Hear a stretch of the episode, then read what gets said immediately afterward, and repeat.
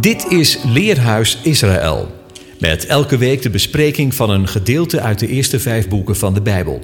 De presentator van deze week is Anko van Molenbroek.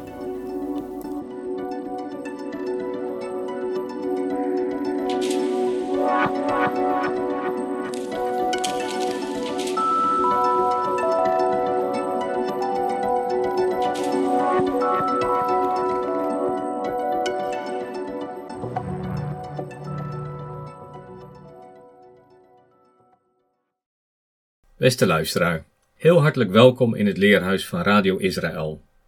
In de jaarcyclus zijn we in de Torah aangekomen bij Parasha Korach, een titel bestaande uit één naam.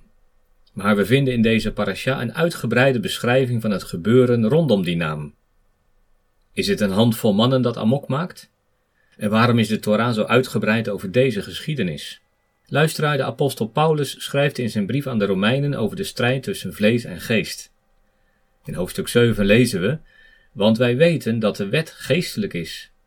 Maar ik ben vleeselijk, verkocht onder de zonde. Wat ik namelijk teweeg breng, doorzie ik niet. Want niet wat ik wil, dat doe ik, maar wat ik haat, dat doe ik. En als ik doe wat ik niet wil, val ik de wet bij dat zij goed is. Nu ben ik het echter niet meer die dit teweeg brengt, maar de zonde die in mij woont. Want ik weet dat in mij, dat is in mijn vlees, mijn lichaam, niets goeds woont. Immers het willen is bij mij, maar het goede teweeg brengen, dat vind ik niet. En even verder, want naar de innerlijke mens verheug ik mij in de wet van God. Maar in mijn leden zie ik een andere wet, die tegen de wet van mijn verstand strijd voert, en mij tot gevangene maakt van de wet van de zonde die in mijn leden is. Om dan tenslotte in hoofdstuk 8 te zeggen, dus is er nu geen verdoemenis meer voor hen die in Christus Jezus zijn, die niet naar het vlees, naar het lichaam wandelen, maar naar de geest. Want de wet van de geest van het leven in de Messias Yeshua heeft mij vrijgemaakt van de wet van de zonde en van de dood. Immers, het denken van het vlees is vijandschap tegen God. Hoe ziet deze strijd tussen de wet van het vlees en de wet van de geest eruit in het leven van de Israëliet? Parasha Korach opent onze ogen. Althans, dat hoop en bid ik. Ik zal de woorden vlees en lichaam door elkaar gebruiken. Het gaat echter om één en hetzelfde begrip. Het vlees staat voor het lichaam, maar het staat ook voor de handelingen van het lichaam. Zo kennen we bijvoorbeeld de uitdrukking reageren vanuit je vlees. Daarmee wil iemand zeggen: ik reageer vanuit mijn emoties, mijn boosheid of gekwetstheid. Ja, dat overkomt ook een gelovige wel eens dan hebben we daar geen rem op gezet en is het een overreactie. En geen rem op onze emoties is ook geen rem op ons handelen, dus op ons lichaam.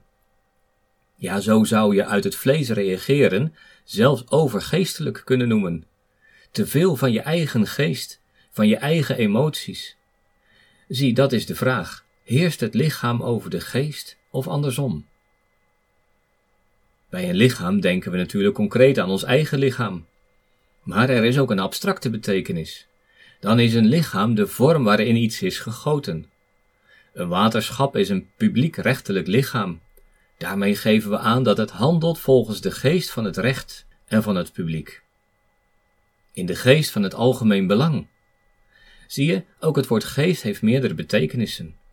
Want in de geest wil zeggen naar de inhoud van. En dan hebben we het niet alleen met emoties te maken, maar ook de ratio. Geest, dat is ruach in het Hebreeuws. Onze ruach zet ons lichaam in beweging. Beweging zit in het woord emotie. Onze ruach, dat is het samenspel van onze emoties. Ruach betekent ook wind. Die wind waait waarheen hij wil. Ja, ook onze eigen ruach. Dan gaat onze aandacht overal heen. Dus ook onze eigen ruach moet beteugeld worden, want anders gaan we alle kanten op. Kortom, het lichaam is de vorm, de geest is de inhoud. En de ruach is het geheel aan emoties die door onze ratio wordt beteugeld. Je merkt al, zelfs het nadenken over de betekenissen van lichaam en geest is een worsteling. We kunnen het begrijpen en toch niet helemaal. En toch, in heel de Bijbel komen we geest en lichaam tegen, inhoud en vorm. En het thema van dit leerhuis is de strijd tussen lichaam en geest. Dat is een strijd die in onszelf woedt. Dat is een strijd die in de wereld woedt. En ja, ook de opstand van Korach, Datan en Aviram tegen Mozes en Aaron is de strijd tussen vlees en geest. En in het eerste deel bespreek ik wie Korach, Datan en Abiram en On, die tegen Mozes en Aaron opstonden, zijn. Vervolgens zien zij waarom zij tegen Mozes en Aaron opstonden. En in deel 3 stel ik eenvoudig de vraag: welke geest leidt het lichaam?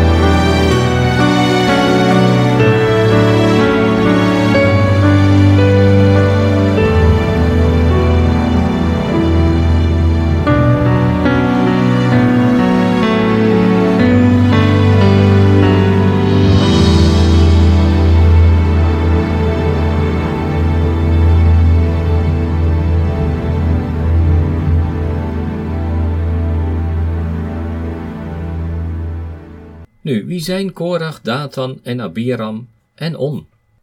Korach nu, de zoon van Jizar, de zoon van Kahat, de zoon van Levi, nam Datan en Abiram, zonen van Eliab, en On, de zoon van Pelet, nakomelingen van Ruben, mee. Zij kwamen in opstand tegen Mozes. Over wie gaat het hier? Laten we de namen eens bekijken. Korach is een leviet. Hij is de volle neef van Mozes want Jissar en Amram waren broers. Korach betekent kaal. En kaalheid was in de oudheid een teken van schande en van rouw.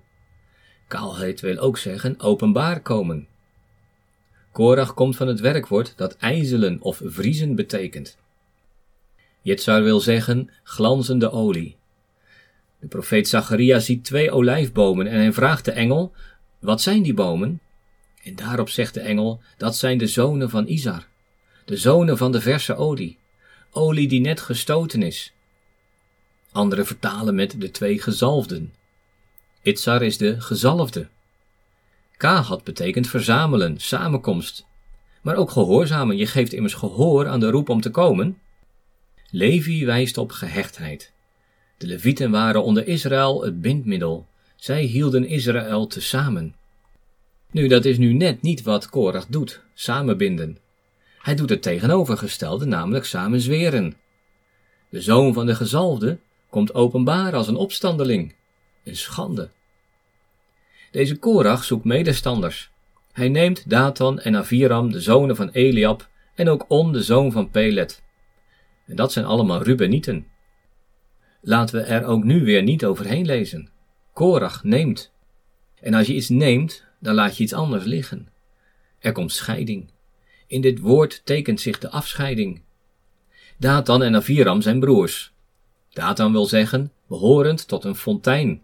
Anderen kiezen voor bron of hun fontein. En Aviram betekent mijn vader is verheven. Hun vader heet Eliab. Dat is, mijn God is mijn vader. Zie ook hier weer die tegenstelling, mooie namen, waardige afkomst. Maar in werkelijkheid zijn het stokers. De profeet Jeremia zegt in hoofdstuk 17, vers 13: Heere, hoop van Israël, allen die u verlaten zullen beschaamd worden. Wie zich van mij afkeren, zullen in de aarde worden geschreven, want ze hebben de bron van het levende water, de Heere, verlaten. En nu wordt er nog een Rubeniet genoemd, On, de zoon van Pellet. En het is opmerkelijk dat we verder niets meer lezen over deze On. We hebben het altijd over Korach, Datan en Aviram. Maar On? Wie is hij? Waarom wordt hij genoemd? Dat het noemen van een naam in de Bijbel altijd van betekenis is, weten we wel. Dat geldt dus zeker als een naam wordt genoemd en verder niets. Daar moeten we zeker kijken naar de betekenis van die naam. On, zijn naam schrijf je Alef, Waf, Noen. Alef, de een, en de Waf is de haak, de verbinding, en de Noen telt de vijftig. De Noen zit op de volgende generatie, de erfgenaam, de zoon. Dus de naam On ziet op de verbinding van de ene met de erfgenaam, met de zoon. De letterlijke vertaling is dubbel. Enerzijds ziet het op een pilaar of een steen, en anderzijds worden er betekenissen genoemd van moeite en zorgen, van afgoderij en toverij, kracht en rijkdom. Dat hangt dus af van de context. En zo is het toch? Wanneer er verbinding is met de ene, dan is de zoon ook de rots, de pilaar. Waar die verbinding ontbreekt, daar is afgoderij. Daar telt alleen het hier en nu. De vader van On heet Pellet. P, Lamet, Taf. De mond, de prikstok, het kruis of het teken. En letterlijk betekent Pellet onderscheiden of gescheiden. Zie je weer die tweedeling. Met de mond verspreiden we, met de prikstok leiden we, brengen we bijeen. En het kruisteken is de laatste letter van het alfabet. Verder kunnen we niet. Het is het einde van de tijd. Deze naam wijst ons als het ware op de keuze die we hebben in het leven, de tweedeling. Dat begint in onze geest. Door welke geest worden we geleid en onderwezen? Is het onze eigen geest? Of is het de Ruach HaKodes, de Heilige Geest? Laat ik het beeld uit die namen nog eens in eigen woorden zeggen. Korach zou als zoon van de gezalfde gemeente moeten samenbinden. Maar hij doet het tegenovergestelde. In zijn kaalheid komt hij openbaar als samenzweerder. En hij neemt Datan en Aviram, klinkende namen die verwijzen naar hun heerlijke afkomst, de bron van alle leven. Mijn God is mijn vader. In hun kielzog bevindt zich ook On, de zoon van Pellet, de verbinding van de ene met de zoon, de erfgenaam. En het is niet om het even wie we volgen, welke geest ons leidt. Dat vraagt om onderscheidingsgaven en een keuze. We graven nog wat dieper, want het woordje on, dus niet als naam, maar als zelfstandig naamwoord, betekent kracht, power. En hoor dan wat vader Jacob zegt tegen zijn oudste zoon Ruben. Ruben, jij bent mijn eerstgeborene, mijn kracht, on, en de eerste van mijn mannelijkheid. De voortreffelijkste in hoogheid en de voortreffelijkste in sterkte. De eerste van mijn mannelijkheid, de eerste van mijn kracht, mijn on. Dat staat ook in Deuteronomium 21, vers 17. Daar gaat het over het recht van de eerstgeborene. Deze is immers het begin van de kracht. De vader mag geen onderscheid maken. De eerstgeborene is de eerstgeborene, ongeacht of het een zoon van de geliefde vrouw is of van de minder geliefde. En Ruben, was hij niet de eerste zoon van de minder geliefde Lea? Had hij niet het eerstgeboorterecht, de opdracht om de leider van de familie te zijn, van het volk, en de bezitter van de dubbele deel van de erfenis? Maar waarom is de stam van Ruben dan niet de leidende stam? Dat vertelt ons vader Jacob ook op zijn sterfbed. Onstuimig als het water, zul je niet de voortreffelijkste zijn, want je bent het bed van je vader ingeklommen. Toen heb je geschonden. Hij is mijn sponde ingeklommen. Wat heeft Ruben gedaan? Ja, dat lezen we in Genesis 35, vers 22. En het gebeurde toen Israël in het land woonde, dat Ruben ging en met Bilha sliep, de bijvrouw van zijn vader. En Israël kwam dat te weten. Bilha was de dienstmacht van Rachel en de moeder van Dan en Naphtali. Ruben kon zijn lusten niet beteugelen. Hij liet zijn lichaam heersen over zijn geest, onstuimig als hij was. Zie je, drie nakomelingen van Ruben, de eerstgeborene, de eerste van de kracht van Jacob, komen mede in opstand tegen Mozes en Aaron. Korach is een leviet. Dat is de allereerst een man uit de stam van Levi. Maar ook dit gaat nog dieper, want de levieten waren immers de plaatsvervangers van alle eerstgeborenen van het volk, dus ook Korach was op deze wijze een eerstgeborene. Zie, deze vier mannen laten ons het beeld zien van de strijd om het eerstgeboorterecht. Het is de strijd om het koninkrijk. Het is de strijd tussen vlees en geest. Het is dus niet voor niets dat de nakomelingen van de natuurlijke eerstgeborene, Ruben, in opstand komen.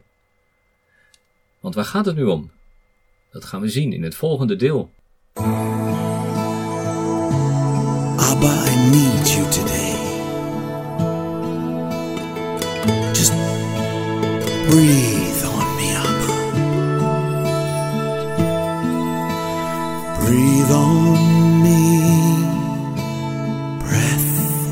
God, love and life that makes me free. Breathe on me, breath of God, fan the flame within me. Teach my heart, heal my soul, speak the mind in Messiah we know. Take me to your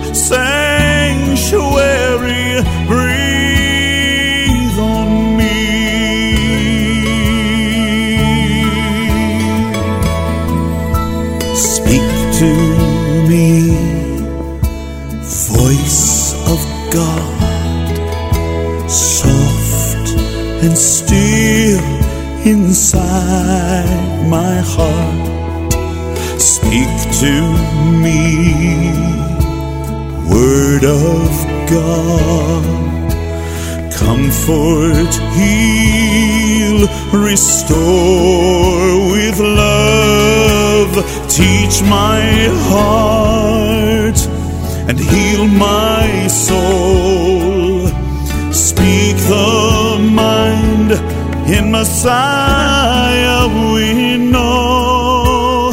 Take me to your sanctuary. Breathe on me.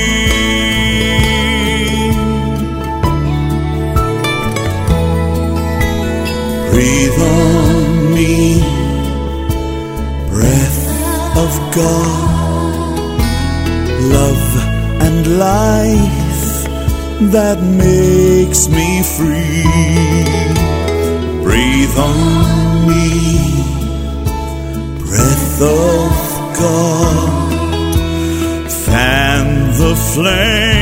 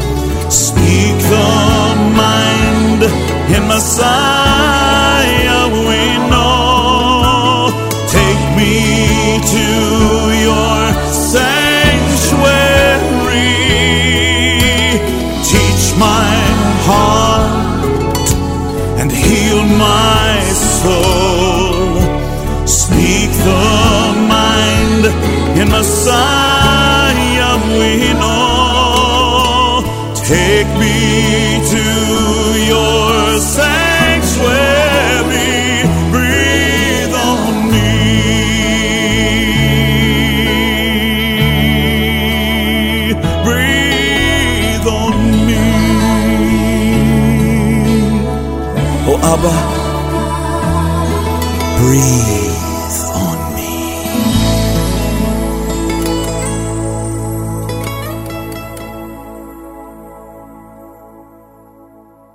Waarom stonden zij op? Volgens Rabbi Avraham ben Isra vond de opstand van Korach en consorten plaats nadat de Levieten gekozen waren in de plaats van de eerstgeborenen, dus nog bij de Sinaï. De Ramban is het daar niet mee eens.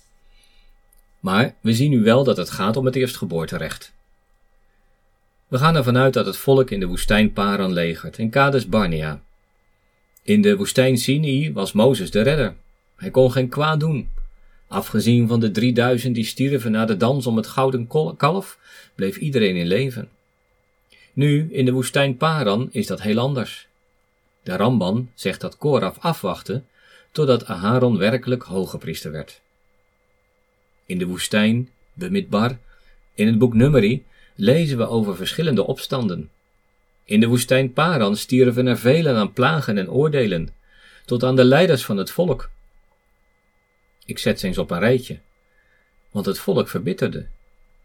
Het volk trekt op onder het geluid van de zilveren trompetten uit de woestijn Sinai. En het was bij het opbreken van de ark dat Mozes zei: Sta op, aanwezigen, laat uw vijanden verspreid worden en hen die u haten van uw aangezicht vluchten. En als de ark rustte, zei hij: Keer terug, aanwezigen, tot de tienduizenden van de duizenden van Israël. Maar ja, wat zeggen dan die tienduizenden? In nummer 11 lezen we dat het volk zich beklaagde en dat een vuur hen verteerde aan de rand van het kamp. En vervolgens wordt er gemopperd over het eten. Wie geeft ons vlees te eten? Dat is net alsof je kinderen aan tafel mopperen en zeggen: Hè, ba, weer sla, weer dat brood. Wanneer eten we nu eens? Maar goed, de eeuwige geeft zijn volk vlees, veel vlees. De kwakkels liggen tot bijna een meter dik. Een waar vreedfestijn breekt los. En de toren van de eeuwige breekt eveneens los, vanwege hun gulzigheid. Velen laten het leven, met het vlees nog tussen hun tanden. Zo gaat dat als het lichaam heerst over de geest. Als het alleen maar gaat over onze levensbehoeften. Vervolgens staat Mirjam, de zus van Mozes, op en klaagt over de vrouw van Mozes. Zij is immers een heidense, een Cushitische. Ze neemt ook Aaron mee in haar aanklacht. Heeft de aanwezige alleen maar door Mozes gesproken? Heeft hij ook niet door ons gesproken? We zijn toch allemaal gelijk? Jaloezie in de familie. En je zou toch zeggen, na zo'n lange tijd dat ze samen optrekken, tientallen jaren, en dan nu dit? De eeuwige maakt er ook korte metten mee. Jullie alle drie meekomen, naar de tent van ontmoeting.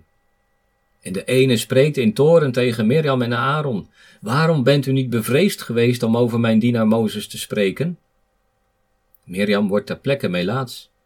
Een melaatsheid is een teken van de zonde die in het lichaam huist. Aaron wendt zich tot Mozes om clementie. Hij toont berouw. En daarom pleit Mozes voor het leven van Mirjam en zij moet zeven dagen buiten het legerkamp verblijven. Hier gaat het dus om familierelaties. En dan de bekende geschiedenis van de verspieders die een kwaad gerucht terugkomen van het land van melk en honing. Geen wonder dat de eeuwige zegt, dan is het ook niet voor jullie. En de tocht door de woestijn wordt vervolgd. En dan komen we bij de opstand van Korach, Datan en Abiram. En die gaat over het eerstgeboorterecht, over het leiderschap, over de macht. En voordat ik daar dieper op inga, maak ik even een uitstapje naar het begrip welbevinden. Enkele weken geleden spraken we over Gods economische principes. En die geven ons een onbezorgd leven. Een leven waarin we ons wel bevinden. En dat gaat altijd over drie zaken. Namelijk een plek om te wonen, daar waar je eigen baas bent, een liefdevolle familie om bij te horen en voldoende levensonderhoud, je natje en je droogje. Nu, dat zijn precies deze drie zaken waarover deze gebeurtenissen die ik heb genoemd gaan. De vraag naar vlees gaat over levensonderhoud. De jaloezie van Mirjam en Aaron gaat over de liefdevolle familie. En de opstand van Korach, Datan en Abiram gaat dus over de vraag wie de baas is. Zij staan op tegen het aanschijn van Mozes, met van de andere mannen uit de zonen Israëls nog vijftig en een dubbel honderd. Verhevenen van de samenkomst, roepers van de samenkomst, mannen van naam. Zij vergaderen tegen Mozes en tegen Aaron en zeggen tot hen: Het gaat te ver met u. Want alles van de samenkomst, allen zijn ze geheiligd. En onder hen is de ene. Waarom wel verheft u zich boven de vergadering van de ene?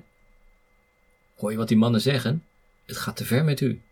Er staat zoiets als: Te veel jullie. De samenzweerders zeggen tegen Mozes en Aaron: Jullie nemen te veel plek in. Waarom spelen jullie de baas? Want heel de gemeenschap, allen zijn ze heilig, en de aanwezige is in hun midden. Mozes hoort dat en valt op zijn aanschijn. Hij richt het woord tot Korach en heel die samenscholing met hem en zegt: Morgen maakt de ene bekend wie er bij hem hoort, en de geheiligde is, en zal hij die tot zich doen naderen, wie hij uitkiest, die doet hij dan tot zich naderen. Doet dit, neemt vuurpannen mee, Korach en heel zijn samenkomst. Geeft daarin vuur en legt daarop wierook voor het aanschijn van de ene morgen. Geschieden zal het, de man welke de ene verkiest, die is de geheiligde. Het gaat te ver met u, zonen van Levi. Oké, zegt Mozes. De ene zal dan zelf wel bekendmaken wie hij verkiest om dit volk te leiden. Dat is toch wel een bijzondere reactie. Geen kwaadheid, geen verwijten, maar heel zachtmoedig geeft Mozes het over in de handen van de eeuwige. En dat is een mooie les voor ons als we aangevallen worden. Nee, niet wat we ons niet mogen verdedigen, maar laat de boosheid en de gekwetstheid niet overheersen. Laat het lichaam niet over de geest heersen. Het is opvallend dat Mozes hier nadrukkelijk spreekt tegen Korach en de Levieten. Tegen hen zegt hij eigenlijk: Met jullie vraag gaan jullie te ver, zonen van Levi, te veel jullie. Jullie zitten zelf eigenlijk in de weg. De strijd tussen Mozes en Korach is eigenlijk een clash van de geesten. De geest van de mens tegenover de geest van God. En daarom moeten al die 250 mannen de volgende dag komen met hun koperen pan met wierook.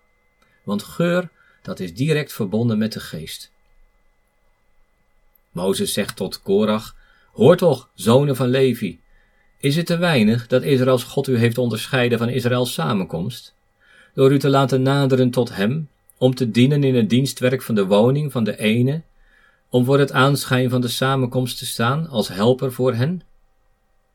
Hij doet jou tot zich naderen, en je broeders, Levi-zonen met jou. En nu hebt ge ook gejaagd naar het priesterschap. Daardoor zijn jij en heel jouw samenkomst het die samenscholen tegen de ene.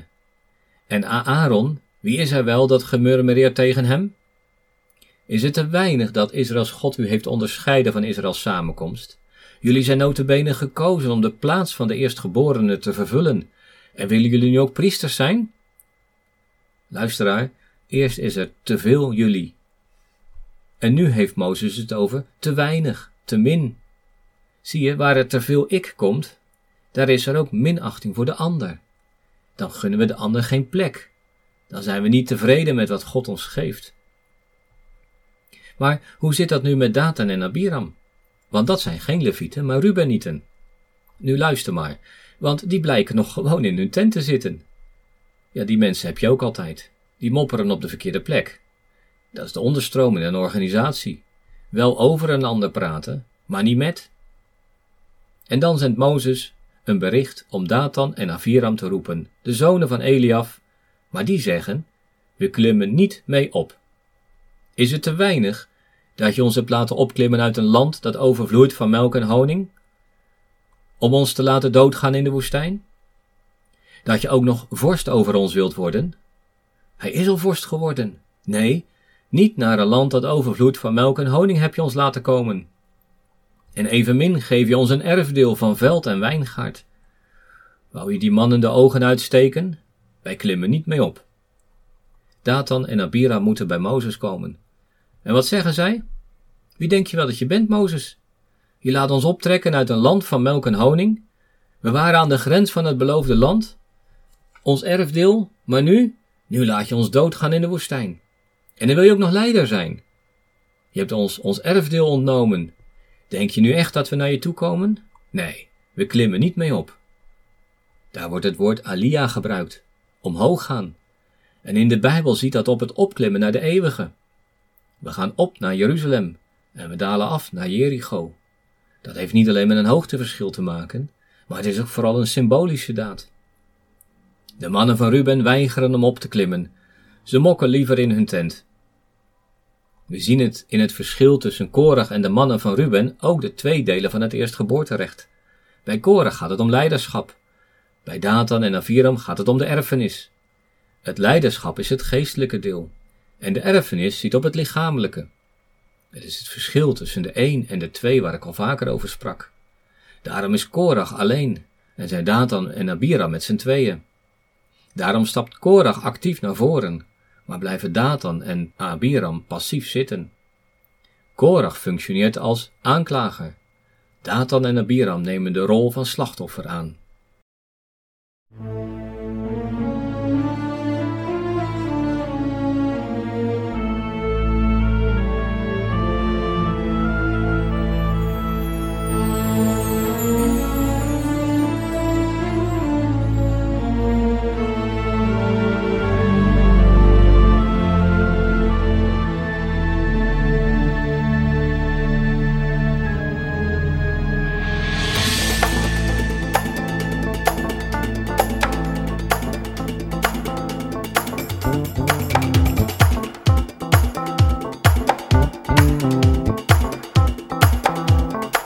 I am zealous over Zion. I am zealous over Zion.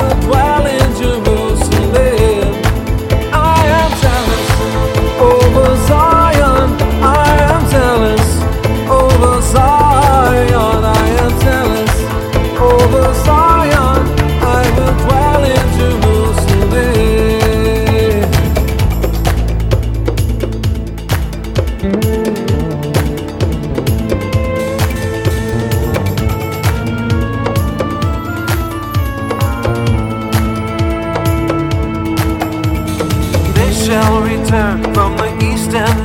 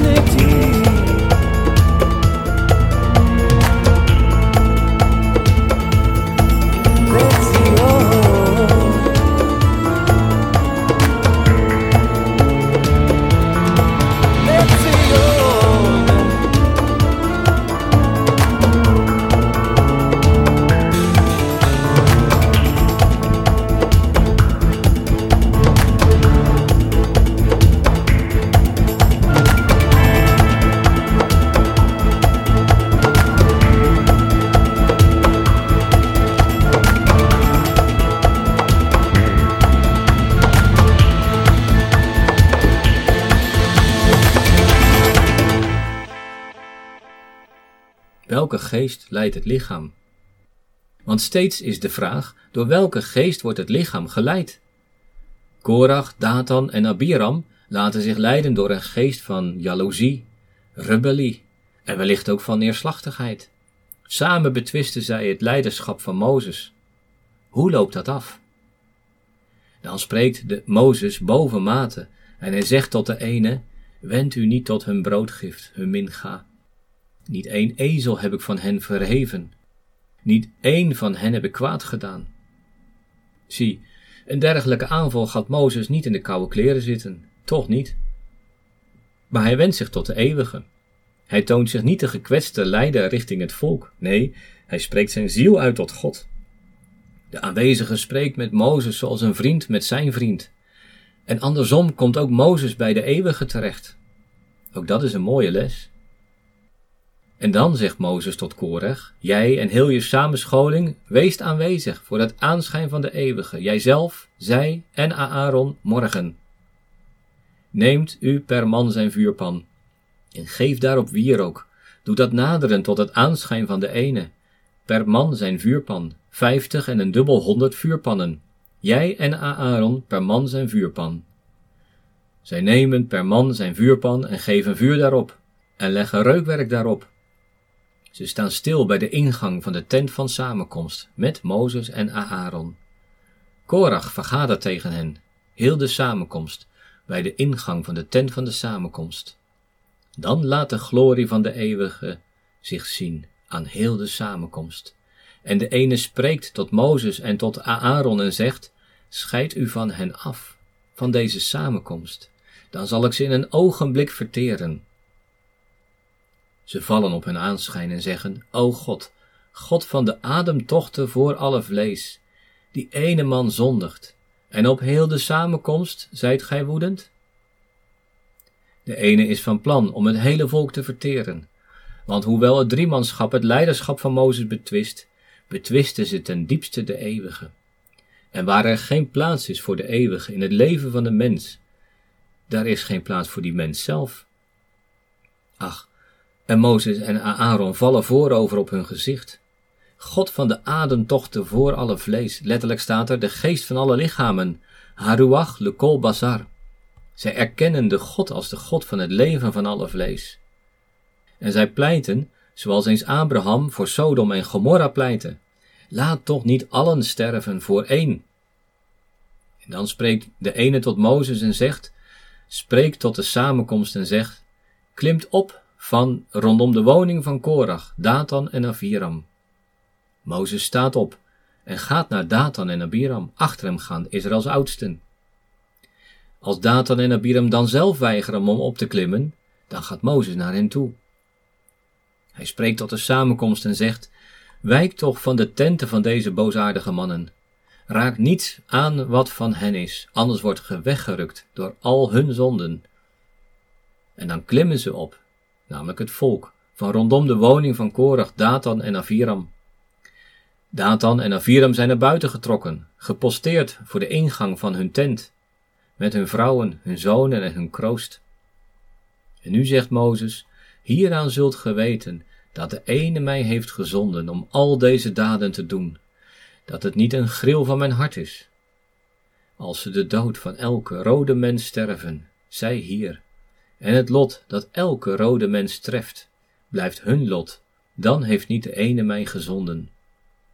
Maar als in zijn scheppende werk de ene een scheppingsdaad doet en openspert de rode grond haar mond, verslinden zal ze hen en al wat hen hoort. En levend dalen ze neer in het schimmerrijk. Weten zult ge dan dat deze mannen de ene hebben gehoond. Het geschiet, met dat hij heeft voleindigd uit te spreken al deze woorden, de rode grond onder hen splijt. De aarde opent haar mond en verslindt hen en hun huishoudens, elke rode mens die bij Korach hoort, en alle haven en goed. Zij dalen, zij en al wat hen hoort, levend neer in het schimmerrijk. De aarde overdekt, Alia, hen, en ze verdwijnen uit de vergadering. Allen van Israël rondom hen zijn gevlucht voor hun stemgeluid, want ze hebben gezegd, anders verslindt de aarde ook ons. Vuur is uitgegaan van beide ene en verteert de vijftig en de dubbel honderd man, die de wierook hebben doen naderen. Ontzagwekkend oordeel over deze mannen. Maar luisteraar, wat kan de eeuwige anders doen? Hij is langmoedig en traag tot toren, maar niet eindeloos is zijn geduld. Mozes en Aaron zeggen, zouden allen sterven voor de zonde van één? Zie wat de Messias, de Zoon, de erfgenaam in de verbinding met de ene zegt, ik zal gaan en als één sterven voor de zonde van allen. Nooit zal onze eigen geest zuiver kunnen heersen over ons lichaam. Altijd hebben we te kampen met de kwade begeerte, de boosaardige neiging. En Paulus noemt dat de oude mens. Alleen door het geloof in het offer van die zoon is het mogelijk dat we een nieuwe geest in ons krijgen. Een Ruach HaKodesh, die de strijd aangaat met deze oude mens. Want u bent tot vrijheid geroepen, broeders, zegt Paulus in Galaten 5. Alleen niet tot die vrijheid die aanleiding geeft aan het vlees. maar dien elkaar door de liefde. Want de hele wet wordt vervuld in één woord hierin: U zult uw naaste lief hebben als uzelf. Maar als u elkaar bijt en verslindt, pas dan op dat u niet door elkaar verteerd wordt. Maar ik zeg: wandel door de geest, en u zult zeker de begeerte van het vlees niet volbrengen. Want het vlees begeert tegen de geest in, en de geest tegen het vlees in, en die staan tegenover elkaar, zodat u niet doet wat u zou willen. Als u echter door de geest geleid wordt, bent u niet onder de wet. Maar wie van Christus zijn, hebben het vlees met zijn hartstochten en begeerten gekruisigd. En waar de geest is, daar is vrijheid.